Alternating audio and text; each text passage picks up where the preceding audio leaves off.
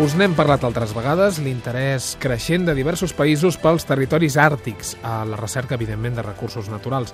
Doncs en aquest context, un d'aquests països interessats, Rússia, ha prohibit les activitats d'una organització que treballa amb els pobles indígenes que viuen al nord i a l'est del país, del territori rus. Una decisió relacionada també amb la repressió del president Vladimir Putin contra les ONGs. Josep Alai, molt bona nit. Bona nit. Eh, Situem-nos una mica, com sempre, quins són aquests territoris i quins són els pobles que els habiten. Sí, aquests territoris eh, hem de dir que eh, constitueixen gairebé el 60% del que és l'actual Federació Russa. Per tant, en realitat, és la major part de Rússia està ocupada eh, per el que s'anomenen els pobles del nord, pobles siberians, veurem una miqueta quins són, i els pobles del que diuen els russos l'Orient més, més llunyà. Aquest 60% del territori de la Federació Russa significa, perquè ens fem una gueta idea, estem doncs, davant de l'estat amb més superfície del món, són 10 milions gairebé de quilòmetres quadrats. És a dir, això aproximadament són unes 300 Catalunyes, perquè ens fem una miqueta la idea. Per tant, és un territori enorme. Eh? Um, és un territori enorme que, a més a més, està situat en unes àrees de la Federació Russa que tradicionalment per la, per l'aridesa climàtica, per la dificultat d'accés, perquè la major part de l'any estan sota el gel, perquè hi ha molt poca població, doncs han estat poc explorades, encara que l'expansió russa doncs, a partir del segle XVI cap a l'est va intentar precisament explotar aquestes terres per tot tipus de recursos. Però encara al segle XXI doncs, segueixen sent un tresor molt ben amagat que encara doncs, amaga algunes de les d'alguns dels recursos més importants del planeta. Eh, parlem d'aquesta organització, d'aquesta ONG que Vladimir Putin ha ordenat tancar. Eh, es diu Raipon. Què és Raipon i per què la prohibeix Putin?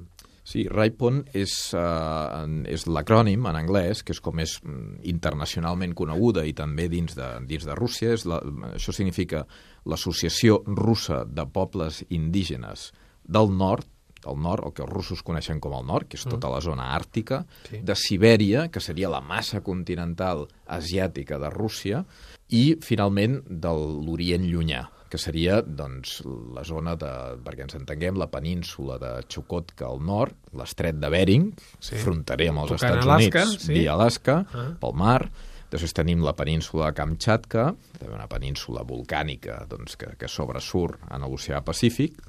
Tota aquesta, aquesta és la zona en què tenim eh, presència d'aquesta organització que defensa no els drets de la major part de la població que viu en aquestes regions, perquè la major part, la, la immensa majoria, el 90% de la població d'aquestes regions són russos, que van arribar en diferents períodes de colonització, sinó que defensa els pobles eh, indígenes. Aquests pobles indígenes serien, amb una paraula molt genèrica, pobles asiàtics, perquè ens entenguem, com els Itelmen de Kamchatka, els Alautians a l'estret de Bering, els Txuktxis a la península de Chukotka, que per cert van donar doncs, un dels millors escriptors en llengua russa del segle XX, Yuri Ridheu, que va morir fa, fa pocs anys i que té, eh, a més té llibres traduïts al català. També tindríem els Even i els Evenkis, que són pobles de la zona siberiana de massa continental, i finalment doncs, també tindríem els Nenets i els Hanti i els Sami, que ja estarien a la zona més al nord dels Urals i que arribarien fins la península de Kola, fins la Rússia més, més europea, però, però al nord. Aquesta organització, des de l'any 1990, defensa els drets econòmics, socials, mediambientals, culturals, lingüístics de tots aquests pobles minoritaris. Té tant de prestigi a nivell internacional que també és un observador a diferents organismes de Nacions Unides i el Consell Àrtic, que és un consell formats per tots els estats que formen part, eh, que són, eh, diguéssim, estan dins d'aquest oceà glacial àrtic, i RIPON, doncs, tradicionalment ha estat una organització també que sempre ha estat en els consells assessors.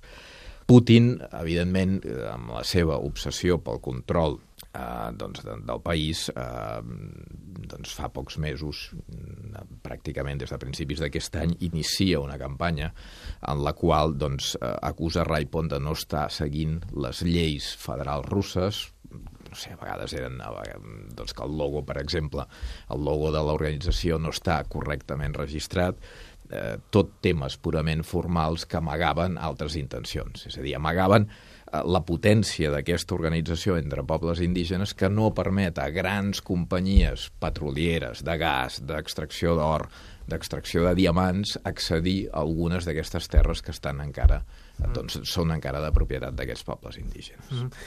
En aquest context que dèiem de l'interès per l'Àrtic, volies parlar-nos d'una travessa que pot afectar Barcelona en el futur, oi? Sí, sí, sí, sí. Aquests pobles àrtics són eh, precisament d'aquesta zona del nord de Rússia tenen, poden arribar a tenir una gran transcendència pel futur comercial de, a nivell global. Uh, ara mateix, el mes de novembre, va iniciar una travessa, un vaixell, que es diu, el vaixell és Riuop, un vaixell rus que sortia de Noruega, del port de Hammerfest, on va carregar gas liquat, va acompanyat per un trencagels uh, rus, que l'ajuda en cas de necessitat. Però en principi no hi ha aquest cas de necessitat perquè tenim un any que, és, que ha estat especialment càlid, ho va ser eh, l'estiu, no sé si recordareu, Groenlàndia, doncs, per exemple, s'havia desgelat bona sí. part de la illa. Uh -huh. Per tant, un any ex excepcionalment càlid que encara ara, que ja podríem dir que és l'hivern àrtic, doncs permet que vaixells facin la travessa per l'oceà àrtic pel nord de Rússia i vagin des de Noruega, des de la península escandinava, fins al Japó, fins uh -huh. a Àsia. Uh -huh. Clar, els japonesos alhora, fixeu-vos que els japonesos tenen ara una demanda encara més gran d'energies alternatives a la nuclear, des del que va passar a Fukushima. Una d'elles és el gas, per tant necessitaran abastir-se de gas. Aquest gas li pot proporcionar a Europa del Nord, Noruega, per exemple, o li pot proporcionar a Rússia.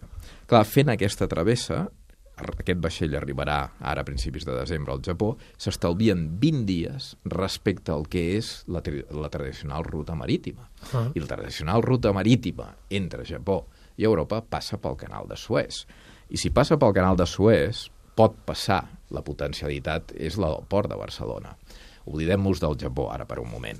Un dels principals eh, clients comercials del port de, de Barcelona és la Xina. Sí per tant, gran part de la producció de manufacturació xinesa arriba a Europa via Barcelona. I des de Barcelona es distribueix no només a la península ibèrica o a Catalunya, es distribueix per tota Europa. Vaja, resulta evident que l'estalvi de 20 dies, tant per japonesos com per xinesos, afavorirà en un futur, que tot sembla indicar, més càlid de canvi climàtic, rutes polars que no pas la ruta pel canal de Suez és un futur que ens hem de plantejar, és un horitzó. No podem només confiar en el comerç asiàtic, perquè en un moment determinat el comerç asiàtic pot trobar molt més rendible passar per la via polar i, per tant, això afavorirà els ports del nord d'Europa per la distribució de mercaderies a Europa mm. de procedència asiàtica i, en aquest cas, anirà en contra dels nostres interessos. Doncs és la, la realitat dels pobles de les terres del nord i de l'extrem orient de Rússia, enmig d'aquesta cursa per conquerir l'Àrtic i que té doncs, com ens explicava en Josep Alai, de retruc una afectació per Barcelona. Josep, moltes gràcies. Parlem d'aquí 15 dies una altra vegada. Bona nit. Bona nit.